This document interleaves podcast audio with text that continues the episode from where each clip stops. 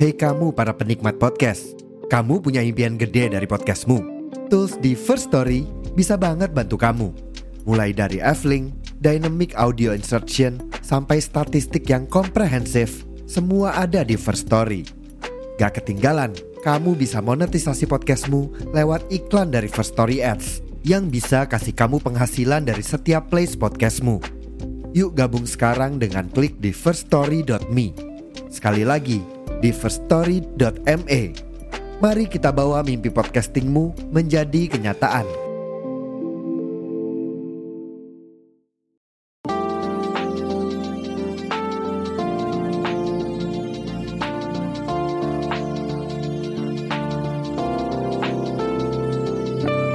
Halo selamat pagi, siang, sore, malam. Balik lagi di Interisme Podcast Podcast yang bahas berita-berita seputar Inter Yang gue kutip dari sosial media dan portal-portal berita olahraga Pertama-tama mungkin gue akan mengucapkan selamat merayakan hari Paskah untuk teman-teman yang beragama Kristen dan selamat menunaikan ibadah puasa di bulan Ramadan untuk teman-teman yang beragama Islam. Oh ya, di Ramadan tahun lalu gue merilis episode podcast dengan judul 4 pemain muslim yang sukses mendapatkan gelar juara bersama Inter.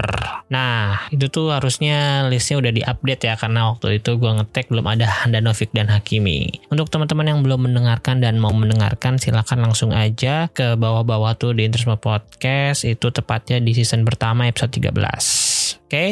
di episode kali ini gue akan bacakan berita-berita terupdate aja nih. Salah satunya yang kemarin baru ditetapkan bahwa Inter uh, harus tetap melakoni laga melawan Bolonya tanggal 27 April nanti. Ini gue baca dari fansnerazuri.com.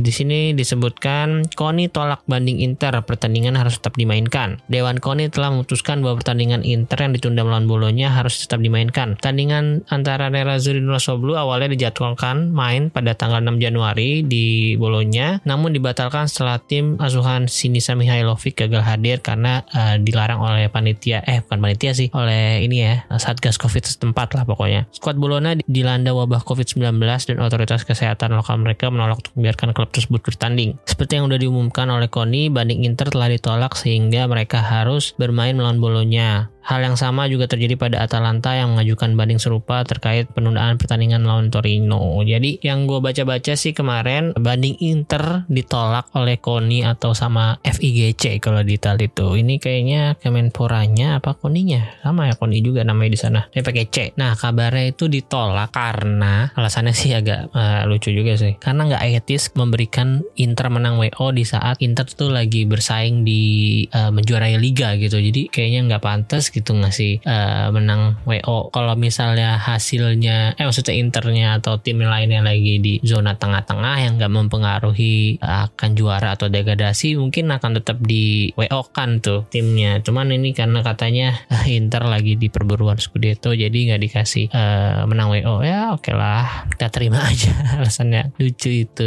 Ya kita sebagai fans bisa apa? Bisa menerima terima aja. Tapi uh, jujur sih, gue juga agak kurang serak kalau kita dikasih menang WO. Kenapa ya? Karena males aja mendengar bacotan-bacotan fans-fans kakak tiri atau Juventus nanti ya. Kalau memang nanti Inter musim ini akan tetap Scudetto, pasti itu akan dikait-kaitkan terus tuh. Apalagi kalau misalnya hasil poinnya cuma selisih satu poin. Waduh, itu bakalan diinget-inget sampai 10-20 tahun mendatang.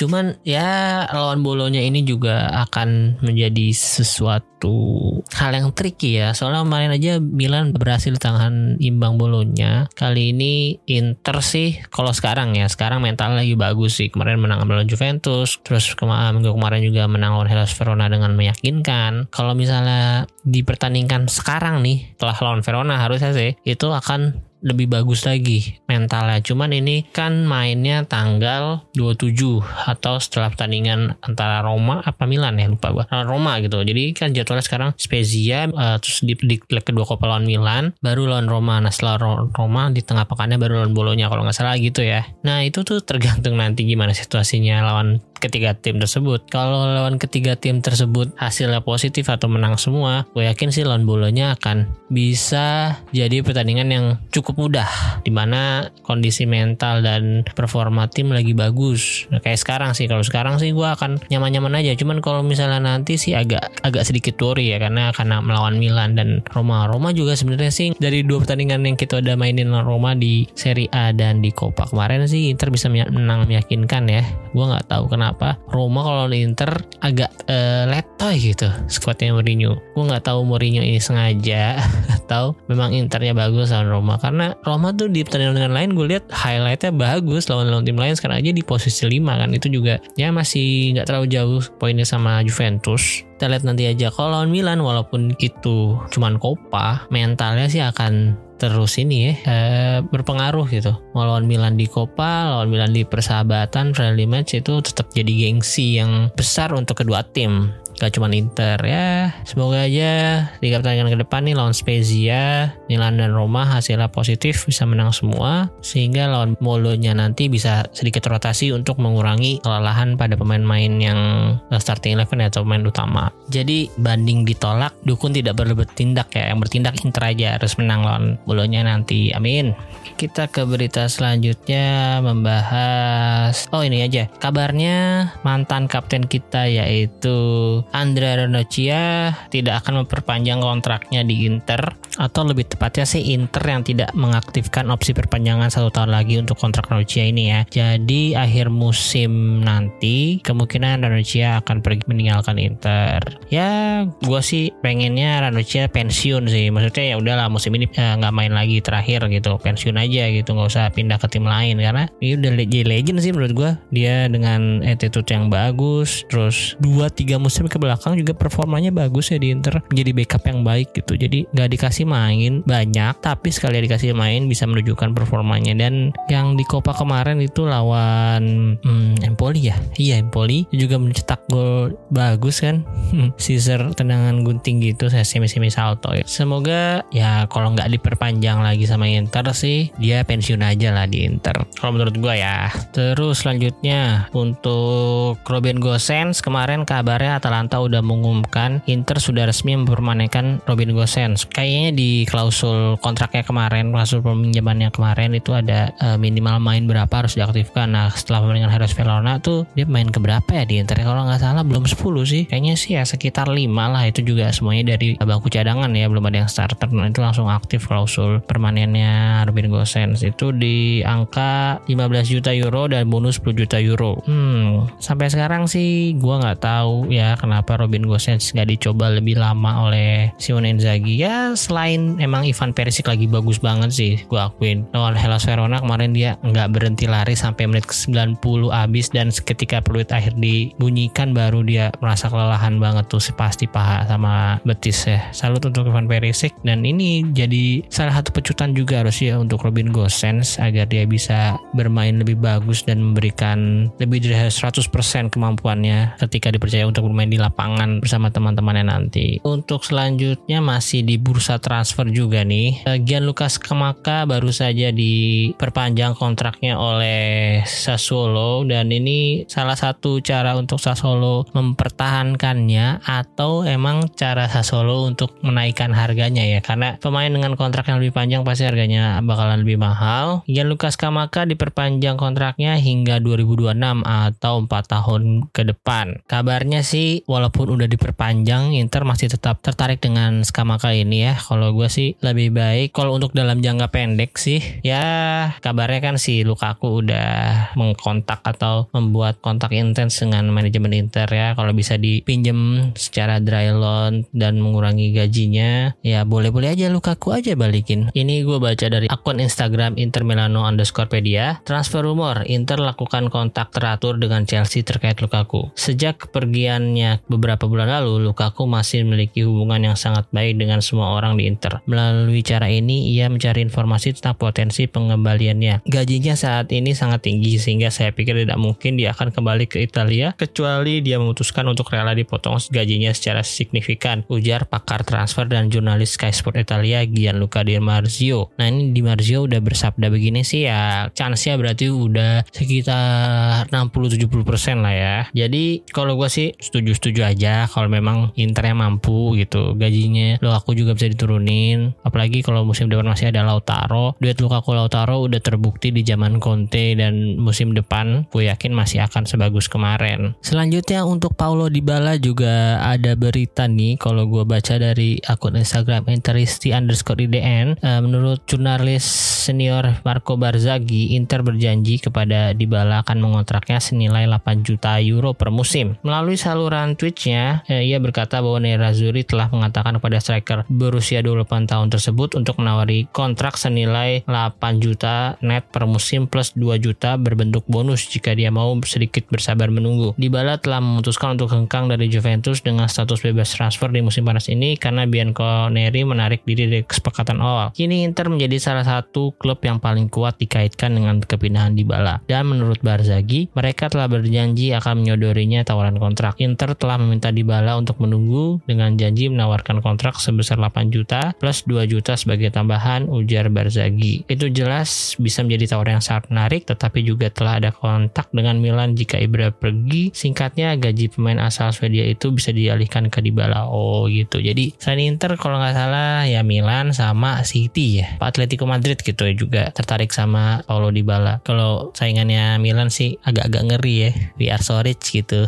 ya gaji Ibrahimovic juga salah satu yang tertinggi di Italia ya. Makanya kalau misalnya Milan akan melepas Ibrahimovic, di situ akan ada slot gaji yang cukup besar. Apalagi Casey juga udah pasti ke Barcelona kan, udah pasti meninggalkan Milan gitu. Masih ada ruang untuk gaji main yang mahal. Sebenarnya Inter juga kalau mau ngelepas Alexis Sanchez dan Zeko tentunya juga pasti akan ada slot gaji juga tuh. Menurut gue sih gitu aja ya. Datengin Lukaku di bala ya gaji pemain yang tinggi kayak Sanchez terus main-main nggak kepake kayak Vecino. Nah itu dibuang aja lah. Oke terakhir selanjutnya kita membahas prediksi pertandingan antara Spezia melawan Inter yang akan bertanding hari Sabtu Sabtu jam 12 lewat 01 dini hari atau ya pokoknya udah masuk hari Sabtu lah itu ya. Pas banget tuh untuk teman-teman muslim setelah nonton Inter langsung sahur, nggak usah tidur lagi. Kalau melihat prediksi susunan lineup dari Gazeta, Inter akan sedikit merotasi pemain utamanya. Untuk sektor kiper tetap Handanovic, untuk di back karena De Vrij kabarnya masih agak mengalami cedera ya kayaknya kemarin agak dipaksakan sih belum pulih dan udah 100% mungkin masih 95% cuman uh, akhirnya di pertandingan lawan Hellas Verona babak kedua dia harus digantikan oleh Danilo D'Ambrosio yang hari itu bermain sangat bagus menurut gue sih. Dia membantu pertahanan dan menyerang juga cukup baik hampir mencetakkan gol bahkan. Besok D'Ambrosio akan main jadi starter ditemani oleh Skriniar dan Bastoni. Untuk right wing backnya Dumfries akan diseratkan mungkin. Darmian menggantikan posisinya tengahnya tetap ada Barella Brozovic dan Canolu dan kalau menurut Gazeta nih, Gosens akan menjalani debut pertamanya sebagai starter. Dia akan main di sisi kiri atau left wing back menggantikan Perisic. Untuk strikernya ada Joaquin Korea dan Lautaro Martinez yang kemarin lawan Hellas Verona tidak bermain karena akumulasi kartu. Ya menurut gue ini skuad yang cukup baik ya karena uh, sedikit merotasi tapi tengahnya masih core Inter tuh. Tiga pemain ini emang nggak tergantikan sih. Ada satu yang nggak bisa main agak sedikit goyang tengahnya Inter. Nah ini kalau gue baca dari akun Twitter fanbase Inter di Italia at it underscore Inter. Tweetnya berbahasa Italia ya cuman kalau ditranslate ke bahasa Inggris bacanya begini. Zeko plus Korea the feeling is the right one. Inter has found the most beautiful couple for the championship sprint. To bond and get married for games games together for wins. The team give the impression that they are developing the game better. Ya, jadi kalau menurut ini menurut GDS ya, menurut GDS uh, duet Zeko dan Korea kemarin juga cukup berjalan dengan baik dan gue juga melihat itu ya di babak pertama tektokannya dapet di awal-awal babak kedua juga masih oke. Okay. Setelah ditarik agak menurun karena Perisic yang main di sisi atau main sebagai center forward ya. Kalau menurut statistik kemarin tuh ketika Zeko dan Korea diduetin mereka dari empat pertandingan empat kali menang dan itu ya statistik ya nggak bisa bohong. Dan secara permainan juga bagus. Gue juga uh, agak suka sih dengan duet tersebut. Cuman Korea dengan Lautaro juga harusnya sih jadi duet yang oke okay ya. Waktu itu sempat dicoba di ketika melawan apa. Cuman Koreanya tuh di menit belasan langsung ke hamstring lagi tuh. Nah semoga di pertandingan besok ketika dicoba lagi akan lebih gacor daripada kemarin Seko dengan Korea. Ya ini sih belum fix ya. Namanya juga prediksi uh, starting line up. Cuman menurut Gazeta begini dan uh, biasanya sih kalau gue lihat dari Gazeta hampir 90% benar lah ininya uh, prediksi line up ya. Kita bahas dulu dari squadnya Spezia. Di sana ada kiper Provedel terus backnya ada Amian Erlik Nikalo dan Reka tengahnya tiga Magior Kior dan Bastoni. Depannya tiga Verde Manach dan Giasi nah ini Bastoni tahu gue dulu lebih sering dipakai di back kiri ya kenapa sekarang di tengah ya? Mungkin memang bisa main di dua posisi tersebut. Kalau hmm, gue lupa lagi pertandingan pertemuan pertama tuh berapa berapa ya skornya. Bentar gue cek dulu. Oh kalau nggak salah dua satu ya. Satu lagi tuh uh, Zeko gol menit di menit-menit akhir ya. Ingat gue ya. Gue cek dulu untuk pastinya Inter Spezia. Eh bukan deh Inter lawan Spezia di leg pertama tanggal 2 Desember 2021. Inter menang 2-0. Gol dari Roberto Gagliardini di menit 36 dan Lautaro Martinez dari titik penalti di menit 58. Ini kalau dari tandingan sebelumnya statistiknya cukup mencolok ya. Shootsnya 31 banding 7, on targetnya 11 banding 4, possessionnya 64% banding 36%. Nah, ini cukup bagus ya cornernya 11 banding 1. Harusnya sih eh tapi ini waktu uh, zaman bukan zaman sih. Ini trennya emang lagi bagus Simone Inzaghi ofensif banget sih setahu gue ini uh, Bastoni dan Skriniar ya dengan ini. Eh sorry, Di Marco waktu itu yang dimainin bukan Bastoni. Di Marco dan D'Ambrosio. Kalau prediksi gue sih untuk pertandingan besok Inter juga masih bisa akan menghadapi Spezia dengan baik ya walaupun bermain di tandang. Kuncinya sih kalau bisa uh, mencetak gol di menit-menit awal menit belasan lah sebelum 20-an mental Inter akan bagus. Mental main-main Inter tuh uh, akan naik terus dan bisa menjalani sisa pertandingan dengan baik gitu. ya gue harap gue sense nih bisa memberikan jawaban dengan mengisi posisi yang diisi Perisic besok. Dia bisa bermain dengan baik apalagi depannya akan ditemani oleh pemain striker yang punya kecepatan juga. Korea di sana punya kecepatan, Lautaro juga bisa. Jadi mereka bisa bermain walaupun dengan tidak counter attack, cuman bisa dengan terupas-terupas yang baik ya. Gosens juga crossingnya bagus, Lautaro punya heading yang bagus. Semoga akan ada hashtag baru ke depannya setelah Perisic to Icardi ada Gosens to Martinez mungkin. Gosen kan sering nganter-nganter gitu maksudnya. Untuk skor prediksi gue sih mungkin akan sama dengan pertemuan pertama yaitu skor 2-0 atau 0-2 untuk Inter kali ini. Cetak golnya sih gue yakin Martinez akan cetak gol kembali. Dua-duanya Martinez menurut gue sih. Kalau nggak dua-duanya Martinez, satunya Darmian. Darmian kalau dimainin bisa jadi penentu juga loh. Kita lihat di akhir musim kemarin Darmian dua kali cetakan gol yang sangat krusial. Satu lawan Gagliari, satu lagi lawan Crotone kalau nggak salah ya. Ya semoga aja kalau nggak 0-2 0-3 lah menurut gue.